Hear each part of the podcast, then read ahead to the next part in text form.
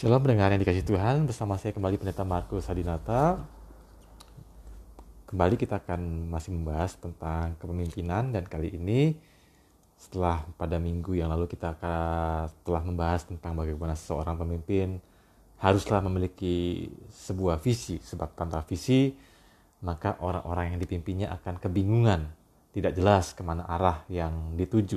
Dan bisa jadi mereka tersesat atau mungkin hanya jalan di tempat sehingga mereka kehilangan gairah untuk bisa meningkatkan kapasitas hidup mereka dan mereka tidak tahu apa yang menjadi tujuan Tuhan dalam hidup mereka. Visi seorang pemimpin amatlah penting agar dia tahu ke mana dia harus melangkah dan juga orang-orang yang dipimpinnya juga tahu apa yang menjadi harapan, tujuan, bagaimana sebuah situasi keadaan yang dapat dan dapat diubah, diwujudkan sebagaimana rencana Tuhan dalam kehidupan mereka.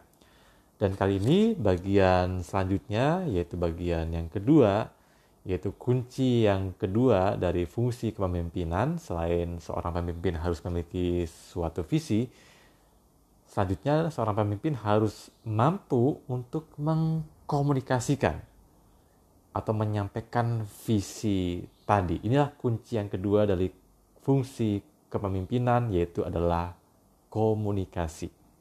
Setelah seorang pemimpin memiliki sebuah visi yang berasal dari Tuhan, maka visi itu tetaplah menjadi visinya pribadi sampai dia mengkomunikasikan visi tadi kepada sekelompok orang. Dan kalau sekelompok orang tadi mendengarkan visi yang dia sampaikan dan kemudian mereka mengamini bahwa itu adalah juga menjadi bagian dari hidup mereka, maka visi yang semula adalah visi pribadi pemimpin kini menjadi visi bersama. Setidaknya itulah yang kita lihat dalam diri Nehemia. Bagaimana ketika dia mulai mengkomunikasikan visinya kepada para pemimpin atau para pemuka dari puak-puak kaum Yahudi, bagaimana rencananya tentang pembangunan Yerusalem.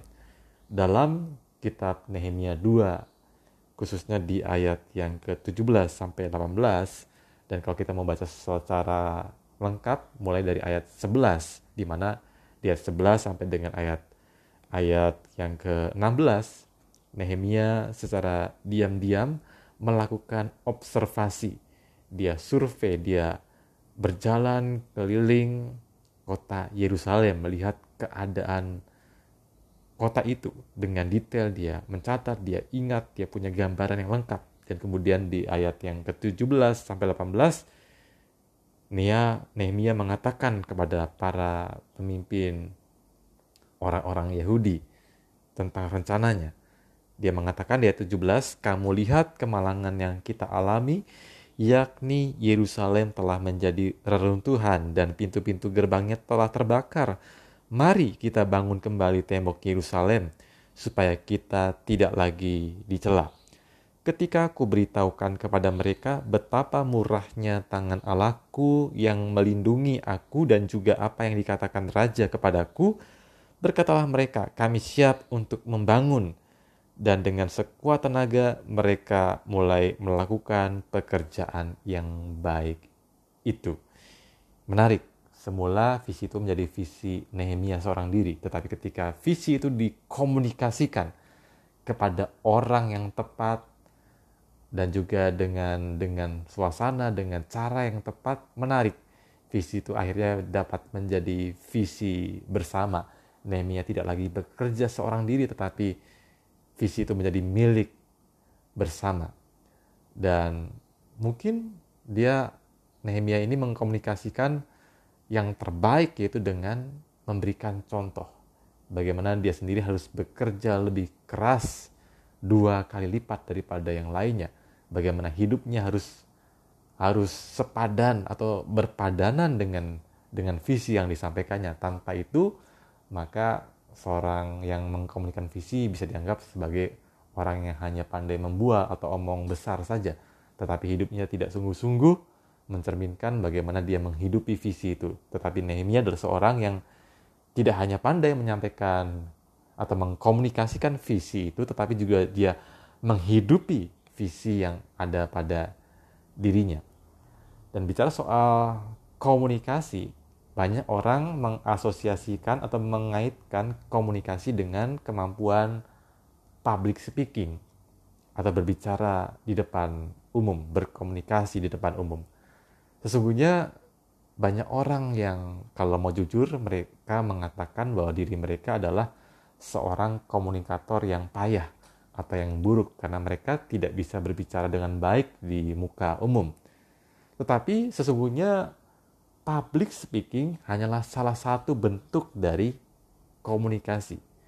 Dan pada praktiknya tidak selalu adalah hal yang paling efektif.